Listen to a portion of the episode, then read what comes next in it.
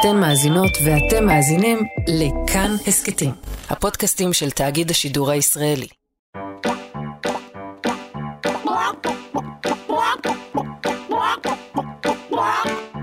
באוגוסט 2012 התפרסמה כתבה באתר Live Science תחת הכותרת מתי נוכל ללמוד לדבר בשפת בעלי החיים.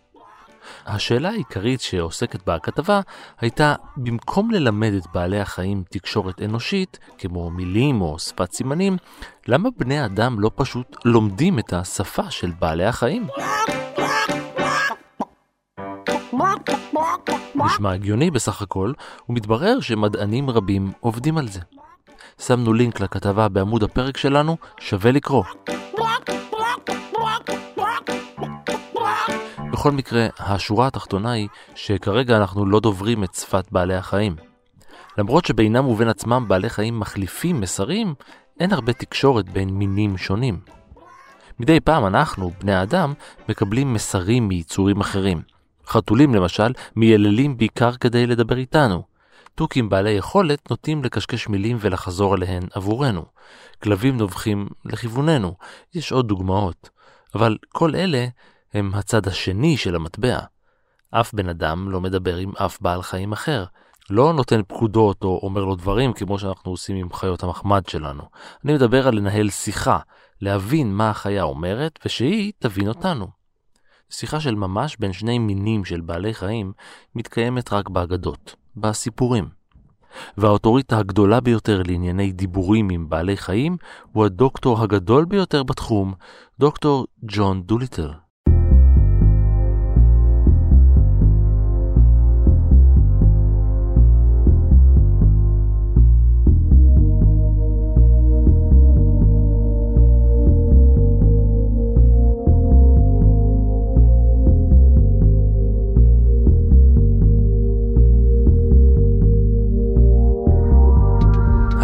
אני רן מנהר ואתם על מנהר הזמן. מדי פרק אנחנו מספרים לכם על מקרה שקרה בעבר מזווית שכנראה עוד לא הכרתם.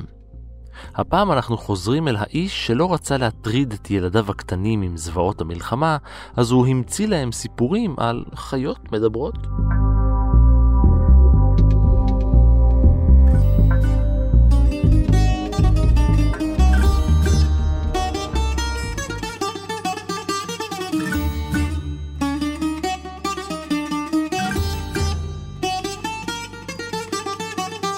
במהלך המאה השישית לפני הספירה, נהג מספר הסיפורים היווני איזופוס לכתוב ולספר אגדות ומשלים רבים. הרבה מהם לא שרדו עד ימינו, אבל אלה שכן, קשורים בעיקר בבעלי חיים וביכולת שלהם לתקשר זה עם זה. הוא השתמש בתכונות המאפיינות אותם, ובאמצעות שיחות ביניהם, העביר שיעורים על החיים עצמם. באותם הימים היו בעלי החיים הרבה יותר נפוצים בסביבות בני האדם. היישובים האנושיים היו פחות מפותחים, והמרחב של בעלי החיים היה הרבה יותר גדול וחופשי. בני אדם למדו אותם, כיבדו אותם, ואת האינטליגנציה של רבים מהם.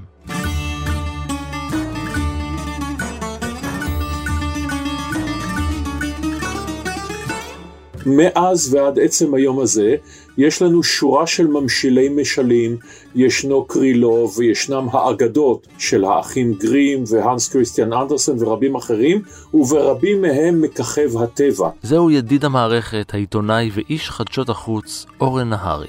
הטבע שהוא לעיתים טבע מאוד מאוד מפחיד. הטבע של האחים גרים הוא כמובן הטבע של היער מטיל האימה ומטיל המורא של צפון אירופה, אבל אצל הנס כריסטיאן אנדרסן ואצל אחרים יש לנו שורה שלמה של משלים על בעלי חיים. אולי הידוע שבהם הוא החתול במגפיים, אבל ישנם גם רבים מאוד אחרים. ובעניין מה שאמרת על המשלים של איסופוס, זה נכון שבעלי החיים הם יותר קרובים לאדם, קרובים פיזית, מאשר היום אבל אין את התודעה כמעט של נקרא לזה חיות מחמד כמו שיש לנו היום. כלומר הנושא של גידול כלבים וחתולים והרבייתם לא כדי שיצודו דובים, לא כדי שירוצו מהר יותר, אלא כדי שיהיו חמודים יותר, פחות אה, אלרגנים עבורנו וכל מיני דברים אחרים, זה דבר שיהיה עם העידן השפע ועידן הפנאי הנוכחי שלנו. בתקופה שלפני הדתות המונותאיסטיות, היהדות, האסלאם, הנצרות, התפיסה של הטבע היא שלכל דבר יש נשמה. זאת אומרת, השמן בתרבויות מסוימות, או במובן של הפנתיאון האלים היווני, שלכל אל ישנו תחום אחריות, היוונים הקדומים ידעו שלעץ יש נשמה, שלבעל החיים יש נשמה. הם גם ידעו בדיוק מה יקרה למי שיעשה את הרע בעיני האל האחראי על העצים האלה. הם גם ידעו שחלק מהם נענשו.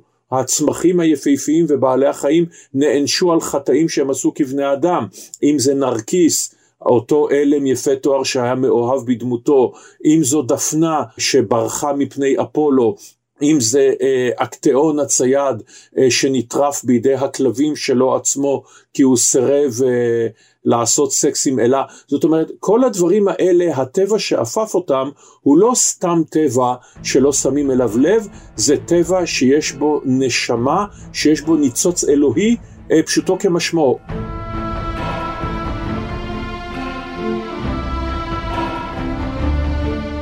ככל שחלף הזמן ואוכלוסיית חיות הפרא ירדה, היחסים בין בעלי חיים ובני אדם השתנו. השינוי המהותי שחל בהתיישבות האנושית, כפרים, עיירות וערים, דחק את בעלי החיים אל מקומות מבודדים יותר, חשוכים יותר, מפחידים יותר. החיות חיו ביערות, בשטחים שהיו טריטוריות חיצוניות לאנושות.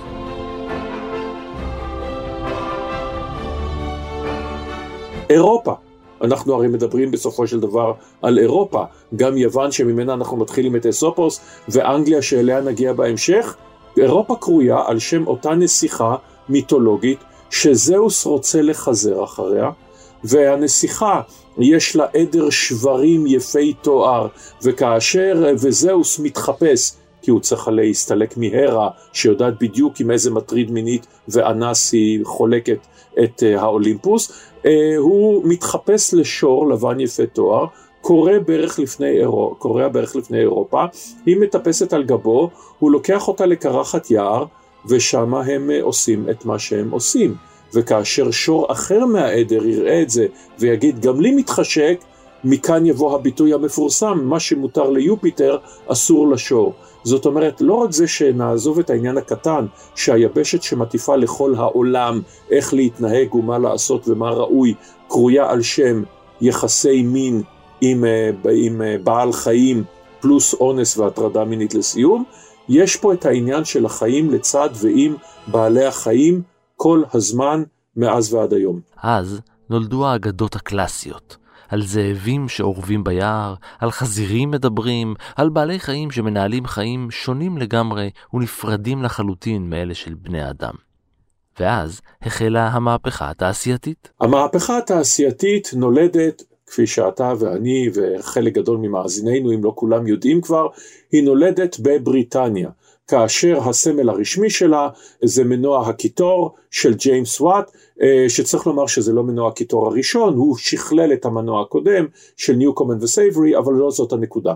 המנוע הראשון משמש בתעשיית הטקסטיל, בתביעה, באריגה, אגב משם גם מתחילים המחשבים הראשונים או כרטיסיות החישוב הראשונות של ז'קר שזה נושא מרתק בפני עצמו. המהפכה התעשייתית מתחילה את המושג של מקום העבודה. עד אז האדם חי במקום העבודה, גם העיקר הוא יצא מהבקתה שלו, שבה בדרך כלל ישנו יחד איתו בעלי החיים ודאי בחורף, והוא יוצא אל השדה, והטובה וההורג והסנדלר והאומן והאומן והשוליה, כולם חיים בבית שהוא גם אה, מקום העבודה שלהם. הוא גם אה, המקום שבו הם יוצרים את פסליהם, את נעליהם, את כל הדברים האחרים שהם עושים. פה המכונה בין שאר הדברים היא תעשה את הנתק, הסופ... לא אגיד הסופי, בין האדם לטבע אבל תנתק אותו עוד יותר וגם היא אה, תיצור את הנתק בין הבית לבין העבודה. במהלך התקופה הזאת נרשם שינוי דרמטי בתפקוד העולם. התיעוש והאיור הובילו לעלייה בזיהום הסביבתי, עשן ופיח החלו להסתחרר באטמוספירה, ובתי הגידול הטבעיים של בעלי החיים נפגעו קשות.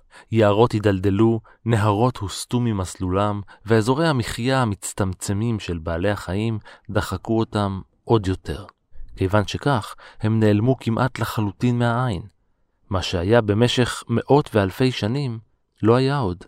וכאן גם יהיה ה-Backlash של התנועה הרומנטית.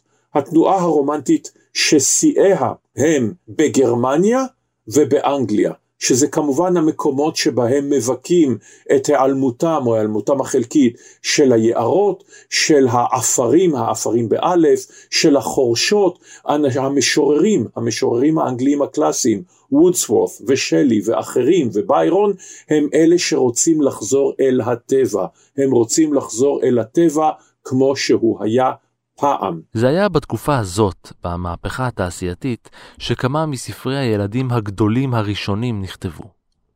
אולי היום אנחנו רואים בהם סיפורים לילדים, אבל הם לא היו מיועדים דווקא לילדים. בסיפור המקורי, הרפתקאות אליס בארץ הפלאות, לואיס קרול מספר על עולם מלא בבעלי חיים מסוגים ומינים שונים, כולם אגב מדברים.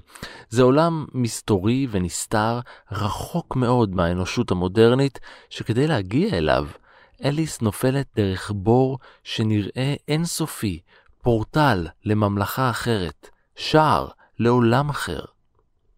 המאה ה-19 היוותה רנסאנס של ספרים בחיכובם של בעלי חיים מדברים. אבל אם נשאר רגע באנגליה, והדור הזה זה דור שהתרפק על הטבע התמים של פעם, שילוב של בני אדם ושל בעלי חיים שהם תמימים, שהם נאיבים במידת מה, אבל הם מבינים את הטבע, אותו דבר גם פיטר פן וחבורת הילדים האבודים שלו, וכולם יהיו באנגליה והיצירות שלהם יתפרסמו פחות או יותר באותה תקופה. אל המהפכה הזאת נולד בשנת 1886 יו ג'ון לופטינג.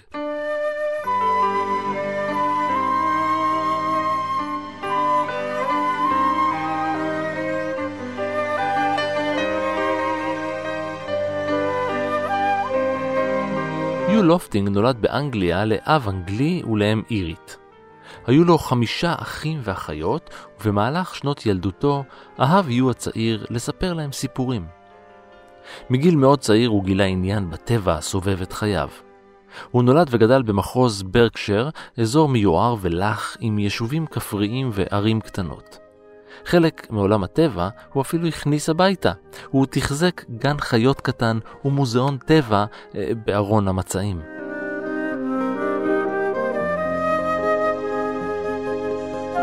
הוא למד בפנימייה הישועית מאונט סנט מרי קולג', שם, במשך עשר שנים, קיבל השכלה קלאסית.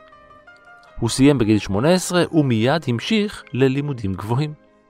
הוא מאוד אהב לכתוב, אבל אבא שלו היה נחוש שירכוש מקצוע יציב ומכובד, וכך יו הצעיר בחר להיות מהנדס, לצאת ולראות את העולם. אז הוא יצא לחו"ל.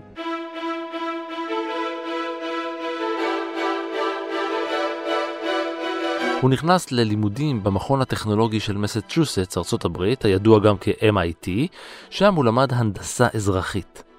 אחרי שנה הוא שב לאנגליה על מנת להשלים את הלימודים בלונדון פוליטקניק. הנדסה אזרחית זה בנייה או תכנון של מבנים שזה לא עושה הארכיטקט, אבל הוא זה שאחראי על בניית גשרים, על גשרי רכבות, הוא זה שמתכנן אותם, מתכנן צנרת, מתכנן את כל הדברים שעוזרים לנו בחיים. אחרי הלימודים עסק לופטינג באדריכלות, אבל הוא לא התמיד. הוא היה מהנדס, לא אדריכל, ולכן הוא החל במסעותיו בעולם. ב-1908 הוא ערך חיפושים מושכרים בקנדה. אחרי שנה הוא עבר לעבוד במערב אפריקה עבור חברת הרכבות שמתחה את מסילת לגוס. ב-1912 הוא עבר לעבוד אצל מסילת הרכבת בהוואנה, קובה. המון נסיעות והמון עיסוקים בזמן מאוד קצר יחסית. לופטינג היה בשל לאתגר חדש.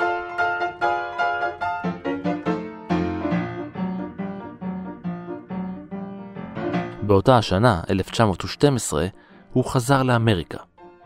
הוא קבע את מקום מגוריו בניו יורק, התחתן, הקים משפחה והחל להתרכז בתחביב החדש שפיתח, כתיבה.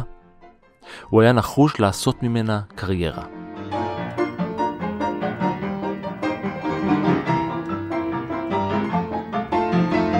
אתה רואה בעיני רוחך איך האנשים האלה רואים בעיני רוחם שלהם את החורשות, את היערות המאוד מתונים, כן, זה לא היערות המפחידים של גרמניה, אה, שבהם הם טיילו, ושם באמת אתה יכול לראות אה, דוב וחזרזיר וטיגר, אתה יכול לראות את אליסה בארץ הפלאות ואת מרוץ הדודו ושפן שממהר להגיע לפגישה עם המלכה, כלומר, יש לנו פה באמת מתחת לרובד הזה, הבסיסי שאנחנו רואים, של סיפורי הילדים המאוד מאוד מקסימים, אנחנו רואים געגוע לאנגליה שהייתה ואיננה עוד. אין המון כותבים בסגנון הזה. זאת אומרת, הכותבים והכותבות, צריך להזכיר גם אותן, של מה שאנחנו מכירים בתור ספרות הילדים המיתולוגית שנולדת אה, בארצות הברית, או ספרות הילדים והנוער, הם לא בדיוק יושבים על אותה פינה שעליה ישב יו לופטינג אה, לימים. היחיד שהוא בהחלט בין תחרות, או שניים סליחה, שהם בני תחרות ליו לופטינג ומהבחינה הזאת הם משמעותיים מאוד, האחד הוא פרנק באום, היוצר של הקוסם מארץ עוץ ושל שלל המשכיו, שיש שם בעלי חיים אבל פחות, והשני הוא כמובן אדגר רייס בורוז שמחבר את סדרת טרזן. אנחנו נמצאים בתקופה, צריך לזכור את זה, תחילת המאה ה-20, אנחנו שנים ספורות, כמה עשרות שנים, אחרי גילוי מקורות הנילוס, אפריקה, חלק גדול ממנה עדיין לא ידוע לציבור. צריך לזכור שאת גולגולת הגורילה הראשונה ראה מיסיונר אמריקני רק ב-1865, עד אז זה היה מיתוס. לך דע מה מסתתר בתוך הג'ונגלים הבלתי ידועים עד כה.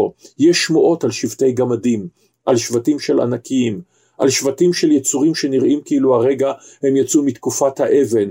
כל הדברים האלה אגב יהיו נכונים. יש שמועות על אוצרות זהב אדירים. זאת אומרת, המקום הזה הוא מקום שהוא מאוד מסתורי, והטבע הוא כבר לא העולם של היום שהכל ידוע.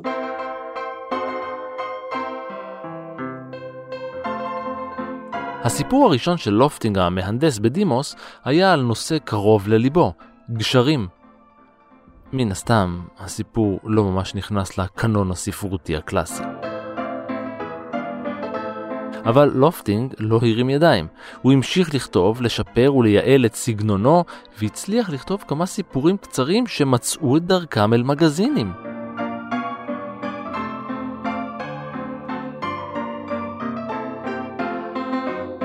בניגוד למרבית הסיפורים באותם הימים, הסיפורים של לופטינג לא לוו באיורים.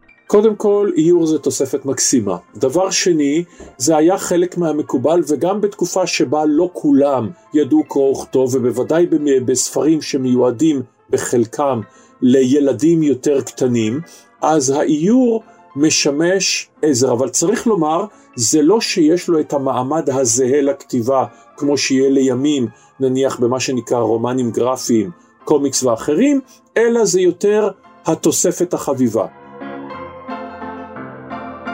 כישרון האיור של לופטינג היה מוגבל לשרטוטים טכניים. בכל זאת, מהנדס.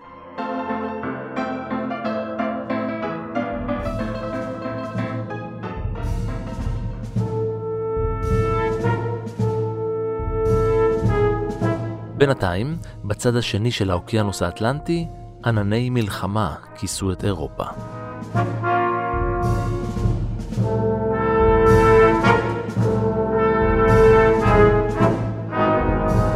בשנת 1914 התפוצצה המלחמה הגדולה אחרי שהאימפריה האוסטרו-הונגרית חיפשה תירוץ לצאת למתקפת מנע נגד המדינה הסרבית כדי להשיב שטח שנכבש מהם במלחמות הבלקן.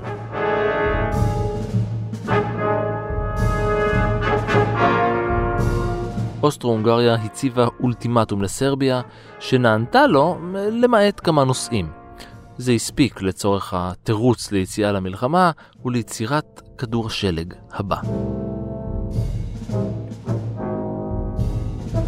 רוסיה, המחויבת לסרביה, החליטה לעזור לה. גרמניה, המחויבת לאוסטרו-הונגריה, הכריזה מלחמה על רוסיה. צרפת, שהייתה בברית עם רוסיה, הייתה מעורבת עכשיו במלחמה עם גרמניה. גרמניה פלשה לבלגיה הניטרלית כדי להגיע לצרפת. בריטניה, בת בריתה של צרפת ושל בלגיה, הכריזה במפתיע מלחמה על גרמניה. כתוצאה מכך, גם קנדה, הודו, אוסטרליה, ניו זילנד ואפריקה הדרומית היו מחויבות למלחמה. יפן, המחויבת לבריטניה בברית, הכריזה מלחמה על גרמניה. אוסטרו-הונגריה הכריזה מלחמה על יפן. ארצות הברית ניסתה לא להתערב, אך נאלצה להיגרר בסוף כיוון שצוללות גרמניות פגעו בספינות סוחר אמריקניות שהובילו אספקה לאירופה. העולם ערב המלחמה זה עולם שמאמין בכל ליבו שאנחנו רואים את הקדמה, והייתה, הייתה באמת. יש שיפור ברמת החיים, יש שיפור בהיגיינה, יש שיפור באוריינות, יש שיפור בהכנסה לנפש, אה, יש שיפור, יש פתאום זכויות, שוויון זכויות ליותר ויותר, מתחילים לראות אולי שיהיה פעם שוויון זכויות לנשים. זאת אומרת, יש דברים, יש אמון בהנהגות, ידיים איתנות על ההגה של פרנץ יוזף הישיש ושל אישים אחרים, אמון בשיטה, בשיטה של האצולה, בשיטה של הבורגנות, בשיטה של המלוכה.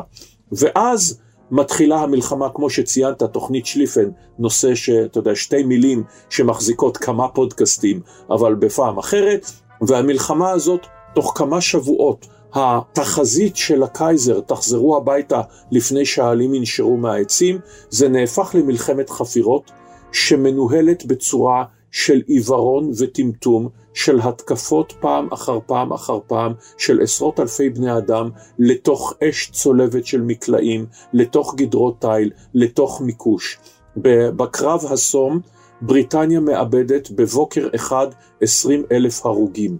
ומכיוון ששיטת הגיוס הייתה שמגייסים לרג'ימנטים על פי אזורים, אנחנו מכירים את זה עד היום, דבונשייר ולינקונשייר ויורקשייר וכולי, זה אומר שבבוקר אחד כל הצעירים ממחוז שלם מתו. כולם, מהראשון עד האחרון. מספרי האבדות הם בלתי נתפסים, ולמה זה המלחמה הגדולה עד היום?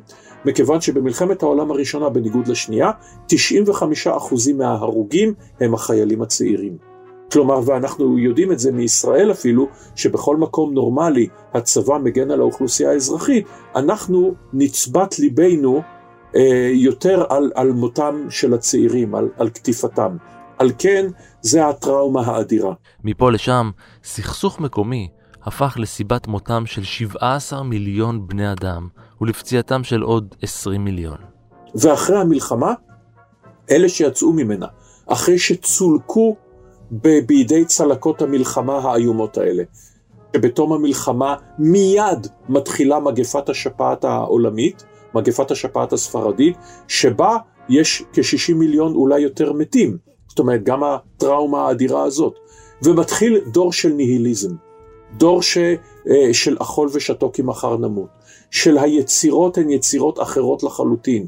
דור של פסימיות, דור של הסתכלות אחרת, דור של ציניות, דור שמסתכל על ספסרי המלחמה, ולזה נוספת ההיפר-אינפלציה בגרמניה, והטראומה בצרפת ובשאר המקומות.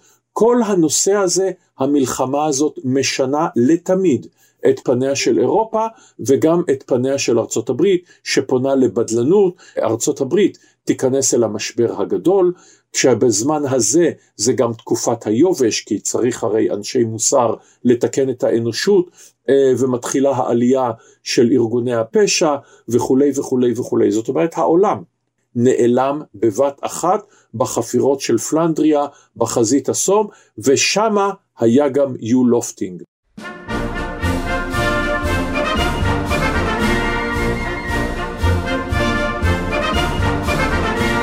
בשנת 1915 גויס גם לופטינג למאמץ המלחמתי. וכיוון שהיה אזרח בריטי שחי בארצות הברית, הוא עבד עבור משרד המידע הבריטי.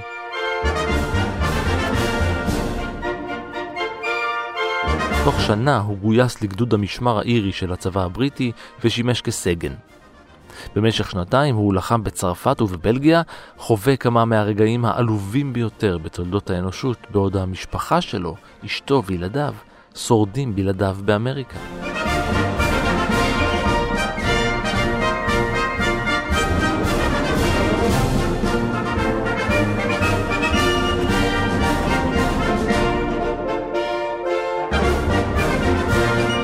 הוא כתב להם מהיבשת המדממת. אבל איך כותבים לילדים על זוועות המלחמה? איך מסכמים עבור ילדים את חוויית החיים בקרב? לופטינג מצא פתרון יצירתי.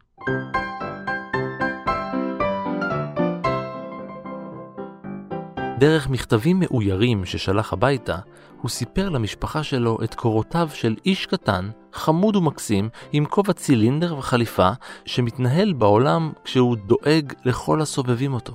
לכולם, בני אדם ובעלי חיים כאחד. הוא לא יכול היה לסבול אנשים שקרנים או צבועים, והוא למד לדבר בשפת החיות. דמיינו מעין גיבור על שיכול לעשות דברים שאחרים לא יכולים. כמו הדמות החביבה שהמציא, גם לופטינג היה מתנגד מלחמות, אלימות ורוע באופן כללי. בימיו בחזית הוא היה עד להרג המוני של סוסים ופרדות שנפצעו במהלך הלחימה. הוא כל כך התרשם מהתנהגותם של בעלי החיים תחת אש, שהדמות שהמציא עשתה עבורם את מה שהוא לא עשה עבורם בעולם האמיתי. הוא עזר להם.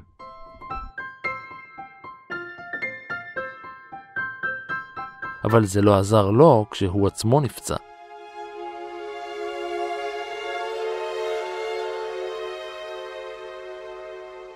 בשנת 1918 התפוצץ ליד לופטינג רימון יד. אחד מהרסיסים חדר לאחת מירכיו והוא נפצע באורח קשה. הוא שרד, אך שוחרר משורות הצבא עוד לפני שתמה המלחמה. הרסיס נותר ברגלו כל ימי חייו. הפציעה הייתה סיבה מספיק טובה לבני משפחתו להתאחד איתו, וכולם הגיעו לאנגליה לאחר שלא התראו במשך יותר משלוש שנים.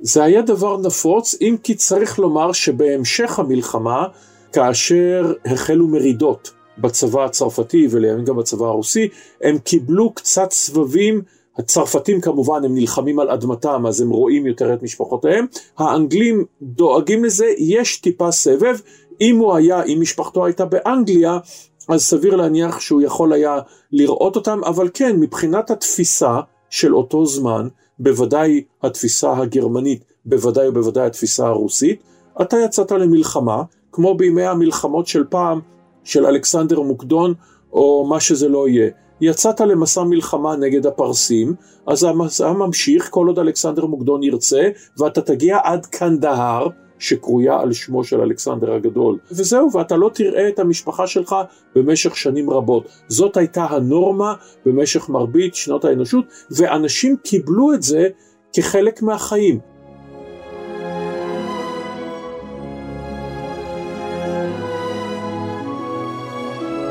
מכתביו של לופטינג מהחזית נשמרו. למה שלא תהפוך אותם לספר הציע אשתו. Hmm, רעיון מעניין, חשב לופטינג.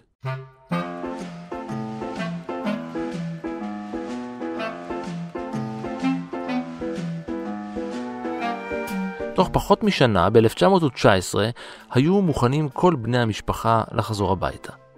והביתה שלהם היה בארצות הברית. הם עלו על ספינה והפליגו לאמריקה. היעד קונטיקט.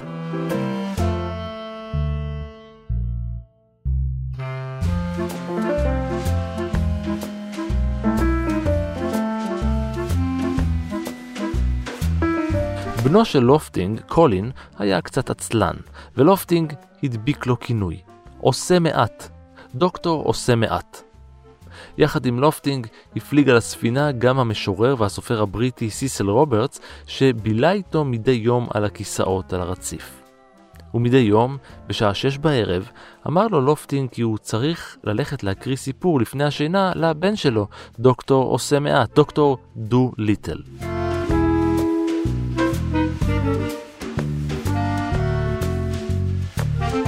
לבקשתו של רוברטס, לופטינג הראה לו חלק מהסיפורים האלה ושאל לדעתו. אתה חושב שזה יכול להחזיק ספר? רוברטס נדהם מאיכות הכתיבה והסיפורים והמליץ על המוציא לאור שלו.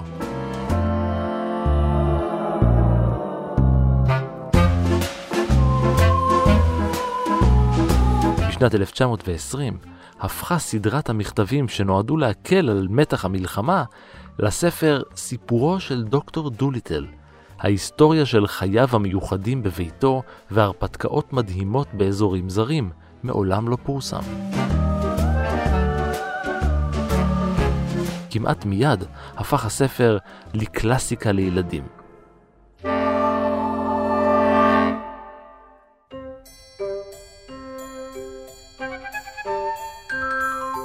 זה סיפור מאוד מאוד נדיר, אנחנו מכירים את כל הסיפורים על רבים מאוד שכיתתו את רגליהם, דוקטור סוס, ג'יי קיי רולינג, רבים אחרים, עברו עשרות מוציאים לאור, עד שמישהו אמר, אוקיי, נו בסדר, ניקח איזשהו סיכון עם הספר הזה, ו- והצליח. המקרה הזה הוא מקרה באמת נדיר, שהכל הלך לו בקלות מהרגע ש...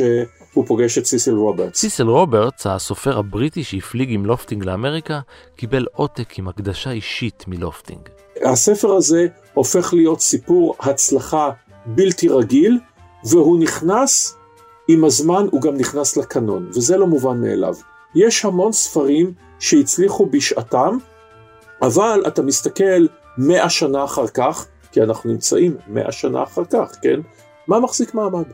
ועדיין השם דוקטור דוליטל, אני מניח שהיום קוראים אותו פחות. וכן, פועה דוב הצליח יותר, אה, וגם אחרים, אבל עדיין, אה, השיר על מדמנה שבגיא השלוליות, והתוכי פולינזיה, וכל הסיפורים האלה, הם עדיין איתנו כנכסי צאן ברזל של התרבות. אז מבחינת ההצלחה, מבחינת מספרים, אני לא יודע לומר לך, אבל uh, זו הייתה הצלחה יוצאת מן הכלל. לא ברמה של uh, הקוסם uh, מארץ עוץ, uh, או של טרזן, אבל בהחלט הצלחה בלתי רגילה. להצלחת הספר לא הייתה השפעה על מצבו הנפשי של יו לופטינג. זוועות המלחמה והצלקות הנפשיות שנשא מאירופה מעולם לא החלימו, והוא שקע לדיכאון. למרות זאת, קוראים באמריקה ובאנגליה דרשו עוד, ולכן הוא המשיך וכתב ספר נוסף על מעלליו של דוקטור דוליטל, מסעותיו של דוקטור דוליטל. ההצלחה נמשכת, והאמת היא שההצלחה תימשך גם עם הספרים הבאים. עד 1928, יו לופטינג המשיך וכתב ספר נוסף בסדרה מדי שנה. הוא המשיך לכתוב עוד ספרים רבים מאוד, 19 ספרים יצאו על הרפתקאותיו של דוקטור דוליטל, אני מניח שעם הזמן זה נהיה קצת, קצת פחות מצליח וקצת גם אולי מאבד טאץ' עם העולם שמסביב. חרף מצבו הנפשי, הספרים האלה, שבעה במספר, נחשבים לטובים ביותר בסדרה והשמחים ביותר. ילדים רבים האמינו כי דוקטור דוליטל הוא איש אמיתי, והם שלחו ללופטינג מכתבים בכמויות עצומות. הוא כתב עוד ספרי ילדים בלי קשר לדוליטל, ונתן הרצאות, ובכלל נראה שההצלחה והאושר היו דברים שהגיעו אל משפחת לופטינג כדי להישאר.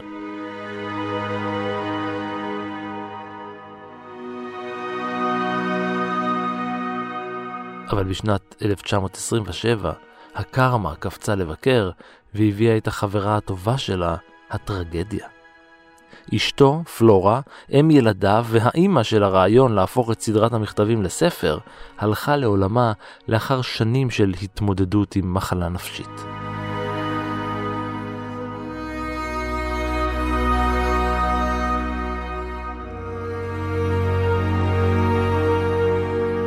למרות זאת, שנה לאחר מכן התחתן לופטינג בשנית עם קטרין הארוור פיטרס. אבל הטרגדיה לא עזבה. ובירח הדבש של השניים חטפה קטרין דלקת ריאות ומתה כעבור שבועיים.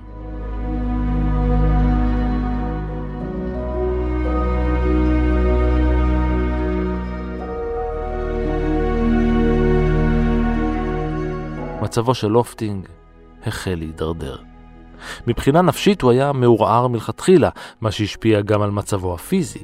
בריאותו התחילה להראות סימני שבירה. זה כבר בתקופת המשבר הגדול.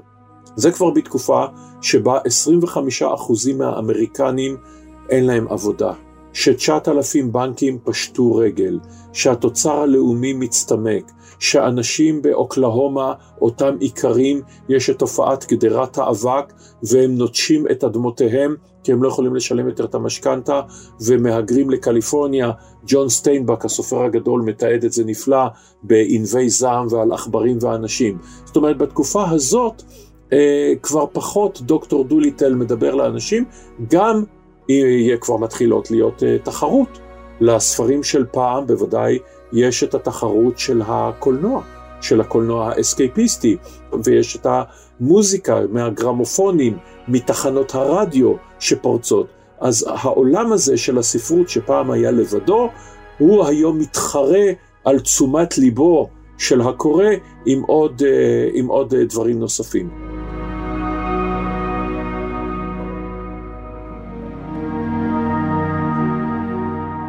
אבל הקוראים לא הניחו לו.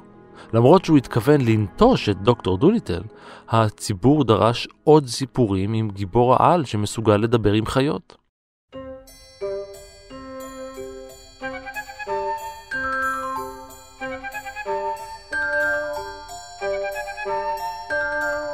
אחרי חמש שנים הוא פרסם את חזרתו של דוקטור דוליטל, עבודתו האיכותית האחרונה.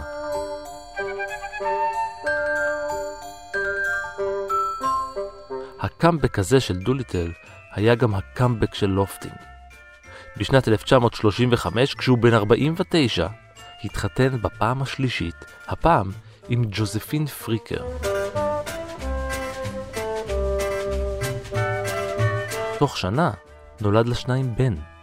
הם עברו לקליפורניה, שם הוא המשיך לכתוב, אבל לא באותו הלהט. הוא כתב את מה שיהיה האחרון בסיפורי דוליטל, דוקטור דוליטל והאגם הסודי. סיפור אגב שנכתב עבור בנו הצעיר במשך יותר מ-12 שנים. עוד רגע נחזור שוב אל הסיפור הזה.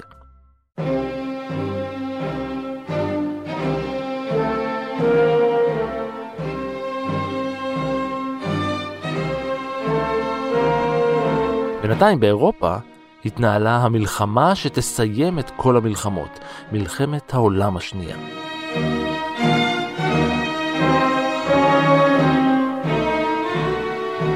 כמו כל המלחמות לפניה ואחריה, צריך לומר. המלחמה שתסיים את כל המלחמות. והמלחמה הזאת, בהתחלה היא לא מלחמה עולמית, זה לוקח קצת זמן, מכיוון שבהתחלה זה גרמניה פולשת לפולין, ובריטניה וצרפת מכריזות מלחמה, ו- ולא קורה הרבה אחרי כיבוש פולין.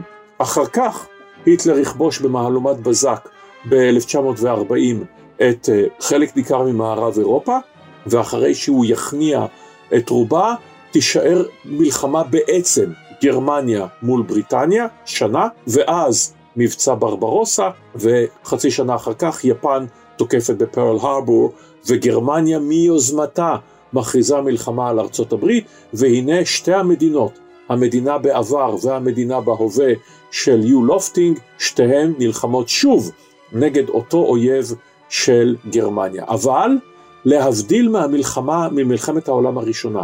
מלחמת העולם הראשונה הייתה מלחמה שבה היגיון המלחמה לא, לא היה לגמרי ברור.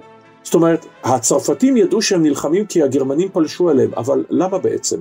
מה בעצם קרה פה? איך בדיוק מהתנגשות בארכידוקס אוסטרי הגענו למצב שבו אנחנו נלחמים על הסום ובפלנדריה ובאיפר? מה, מה, מה היה ההיגיון פה? במלחמת העולם השנייה צריך לומר שכל הצדדים יודעים בדיוק על מה הם נלחמים.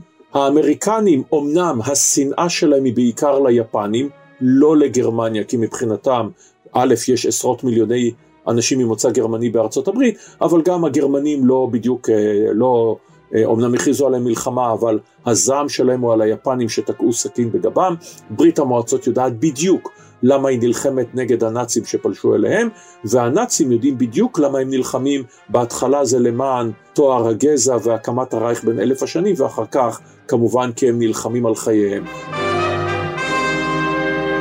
לופטינג ניסה להתגייס לטובת המאמץ המלחמתי, אבל נדחה.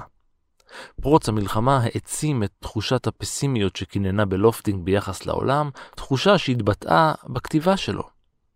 כפי שאתם זוכרים, הוא היה פציפיסט, ולמרות שלא היה מסוגל לכתוב בקצב שאפיין אותו, בשנת 1941 הוא שחרר ספר נוסף, ניצחון להרוגים. מדובר בפואמה אחת ארוכה בשבעה חלקים על חוסר התוחלת של מלחמה, עם הפזמון החוזר, במלחמה המנצחים היחידים הם ההרוגים. הוא לא היה חריג, צריך לזכור, במלחמת העולם הראשונה ישנם משוררי החפירות האנגלים, זיגפריד ששון, אוהן ויצחק רוזנברג ועוד רבים אחרים שכותבים את השירים מהחזית שזה שירים נוראיים ו- ועל הקורבנות האיומים והבלתי ברורים של אלפי החיילים. ובאותה תקופה שלופטינג כותב את זה ב-1941 צריך לזכור ארצות הברית בדלנית, ארצות הברית המועמד לנשיאות שכמעט ניצח את פרנקלין רוזוולט וצ'ארלס לינדברג הבדלן, גם האנטישמי, אבל זה סיפור אחר, וארצות הברית נשבעת לא להתערב יותר בענייניה של אירופה, שיהרגו זה את זה המשוגעים האלה, לא נשלח יותר נערים אמריקנים כדי להיהרג על האינטרסים האירופיים. כלומר, באותה עת, לופטינג הוא הכלל, הוא לא היוצא מן הכלל. הוא הגדיר את ניצחון להרוגים כשיר נלהב ומייאש על הישנותה וחוסר התוחלת של מלחמה בהיסטוריה האנושית. הוא פורסם לאחר שנה בבריטניה, אך לא בארצות הברית. לשיר פציפיסטי שכזה לא היה מקום במדינה שהייתה במלחמה עם יפן. במלחמת העולם הראשונה, כבר תוך כדי מלחמה, האומנים מתחילים להרגיש שמשהו השתנה, ובציריך השלווה קמה תנועת הדאדה, הסוריאליזם לימים, שמוציאה בעצם לשון לכל עולם האומנות. הם אומרים, ראינו לאן הביאו אותנו הבורגנות, השלווה המעוגנת, אנחנו עושים לכם, מוציאים אצבע משולשת, אנחנו עושים יצירות הזויות, אנחנו לוקחים כמו מרסל דושן, אנחנו קונים משתנה, שמים אותה במוזיאון וקוראים לה מזרקה, שתדעו לכם שהכל שונה. ובמלחמת העולם הראשונה, התוצאות שלה יהיו של שינוי דרמטי של כל אופן הכתיבה. מיד אחריה יהיה טי.אס אליוטים בארץ הישימון, יהיה את, אה, את אה, יוליסס של ג'יימס ג'ויס, כמובן קפקא, וכמובן אה, בצ'כיה יכתוב האשק את החייל האמיץ שווייק, את אותה פרודיה על מלחמה עם המשפט הידוע ניפגש בשש אחרי המלחמה. זאת אומרת הספרות היא גם כן הופכת להיות, היא מקבלת איזשהו משבר והיא הופכת להיות הספרות גם כן הטיפה ניהיליסטית, הטיפה אקספרסיוניסטית, הטיפה שונה, כלומר כל הדברים, כל היצירות שזה לא הרומנים הקלאסיים של ורן והוגו וצ'ארלס דיקנס, כתיבה אחרת לגמרי. במלחמת העולם השנייה, האמת כבר ערב המלחמה מתחילים ז'אנרים שהם ז'אנרים אחרים. ז'אנר הבלש הפרטי, הקודר, הפסימי, העירוני בארצות הברית. הז'אנר של הקומיקס, של גיבורי הפעולה שמתחילים אותו יהודים שרוצים שיבוא סופרמן ויגן על אחיהם מהפוגרומצ'יקים, פעם הקוזקים, היום הנאצים, סופרמן, אחרי זה בטמן ואחרי זה כל האחרים, וכמובן במלחמה ומיד אחריה, אנשים ששרתו במלחמה, יוצאים ואומרים, יש לנו פה סיפור, יש לנו על מה לספר סיפורים, ספרי מלחמה אה, מצוינים, כמו זעקת הקרב של ליאון יוריס, כמו הים האכזר של מונסרט, כמו הספרים של uh, ווק, מלחמה וזיכרון, או עוד לפני זה, uh, המרד על הקיין וכולי וכולי. זאת אומרת, סדרה של ספרים שמספרים על העולם הזה, עולם של מה שהיה בו, וכמובן יהיו גם עוד רבים אחרים בהמשך הזמן שיכתבו כאשר הטראומות ישקעו קצת על שתי המלחמות האלה, שמכמה בחינות הן מלחמה אחת גדולה עם הפסקת אש של 20 שנה באמצע.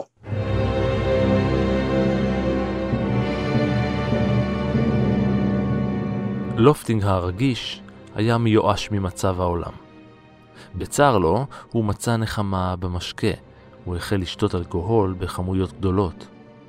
מי ששילם את המחיר היה הכבד שלו, שסבל מנזק בלתי הפיך.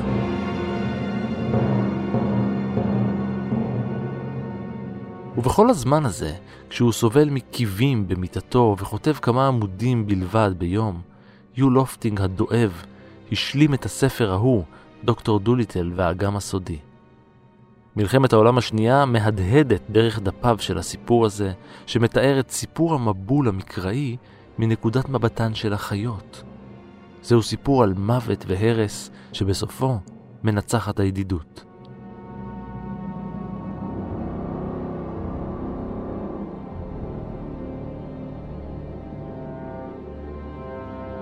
משנת 45 המשיכה בריאותו להידרדר, עד שב-26 בספטמבר 1947 הוא הלך לעולמו בגיל 61.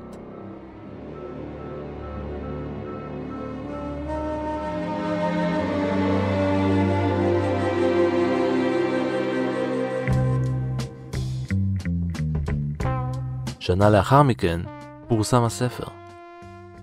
בסך הכל פרסם לופטינג 20 ספרים, שניים מהם יצאו לאחר מותו.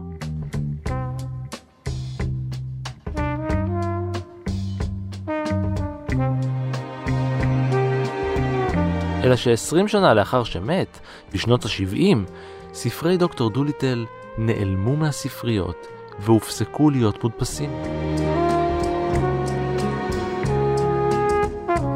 קטעים מהספרים התפרשו בשנים ההן כגזעניים, והספרים נכנסו לרשימות השחורות.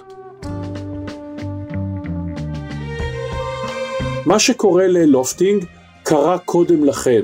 לאדם שהיה בשלב מסוים הסופר הנקרא ביותר והאהוב ביותר בשפה האנגלית, שזה רדיארד קיפלינג. ורדיארד קיפלינג הוא סופר הרבה יותר טוב מלופטינג, אבל עכשיו הם מואשמים כמו אדגר וואלאס וכמו רבים אחרים, הם מואשמים בגזענות, ובלי ספק הייתה בהם גזענות ולו סמויה. הם מואשמים אה, בכך שהם רואים את התרבות הלבנה, התרבות הוויקטוריאנית, שבה הם גדלו כנעלה על אחרות, ובלי ספק הם מאשימים בכך. אצל לופטינג, כמו גם אצל אדגר וואלאס, ישנן דמויות של אנשים שחורים נלעגים. לצד תיאורים סטריאוטיפיים, המהדורה המקורית של דוקטור דוליטל מכילה את ה-N-word, מילת הגנאי הקשה ביותר כלפי אפרו-אמריקנים. באחת העלילות, כשגבר אפריקני רוצה להתחתן עם נסיכה לבנה, דוקטור דוליטל מלבין אותו, מה שהוביל לריח של נייר חום בוער, כפי שנכתב. בשנות ה-60 וה-70, כאשר עולה תנועה בארצות הברית, תנועת הפנתרים השחורים, כאשר מתחיל הנושא של Black is Beautiful. כל הדברים האלה, אז כן, יהיו לופטינג, בודקים גם בציציותיו ומוצאים את כל הבעיות הלא פשוטות שיש בכתבים שלו. הוא לא היה מודע, לדעתי זה היה, אה, הם, הם לקחו את זה כמובן מאליו, זה המקום שהם נולדו אליו, זה המקום שהם חיו בו, הם היו משוכנעים לחלוטין השיר המפורסם של קיפלינג, שא את משא האדם הלבן, שהם באים להביא את הציוויליזציה אל אותם אנשים טובים, תמימים, פשוטים, אותם אנשים חומים וצהובים ו- ו- ו- ואדומי עור אה, ושחורים וכל אלה, שהם יודו לאותו אירופי נדיב שהוא בא למשול עליהם לטובתם שלהם. אולי, אולי פעם, עוד כמה מאות שנים, סביר להניח שגם אז לא, הם יוכלו למשול בעצמם, אבל בינתיים אנחנו עושים את זה עבורם, אנחנו עושים להם טובה. זו הייתה התפיסת עולם שלהם, שבשמה הם הביאו את התרבות האירופית, זה היה זה שהלבן הוא כמובן יפה התואר, הנבון, האינטליגנטי, הרציונלי, השחור הוא התמים, הוא הפראי, הוא הילד שמעריץ אותו, ומת למענו. ב-1988 ראו אור מהדורות מתוקנות של הספרים. בנו הצעיר של לופטינג, כריסטופר, ששולט בזכויות על הספרים, תמך בתיקונים ואף הכריז שאביו היה משנה את הקטעים האלה בעצמו. אם לופטינג היה חי היום, אין לי ספק שהיה משנה אותם. ואם היה מאריך חיים מאוד מאוד מאוד, אולי בהחלט הוא היה, הוא היה משנה אותם, למרות שאחרים לא עשו את זה, אבל שוב, הוא היה בן זמנו, וצריך לשפוט אותו כבן זמנו. הוא נולד ב-1886. הוא נולד לא, לאימפריה הבריטית שבה המלכה ויקטוריה כשהוא נולד היא גם קיסרית הודו. הוא נולד למדינה ששולטת בעשרות מושבות, היום מדינות עצמאיות, באפריקה ובשלל איים ולימים במנדטים במזרח התיכון וכל השאר, זו הייתה תמונת העולם שלו.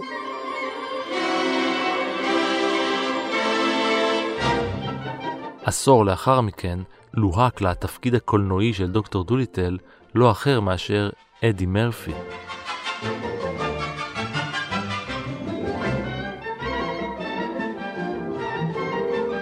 ועד כאן מנהר הזמן להפעם. תודה לאורן נהרי, תודה גם לאור מנהר שנבח והיה על ההפקה, ולנועה בן הגיא שהיללה והייתה על העריכה. עוד סיפורים מההיסטוריה ופרקים אחרים של מנהר הזמן מחכים לכם כל העת באתר שלנו, באפליקציה כאן, בכל יישומון הסכתים אחר וגם באפליקציית הרכב של כאן. אתם מוזמנים להמשיך ולעקוב אחריי ברשתות החברתיות, בפייסבוק ובטוויטר, להגיב, להעיר ובעיקר להתחבר. אני רן מנהר, נשוב וניפגש בפרק הבא.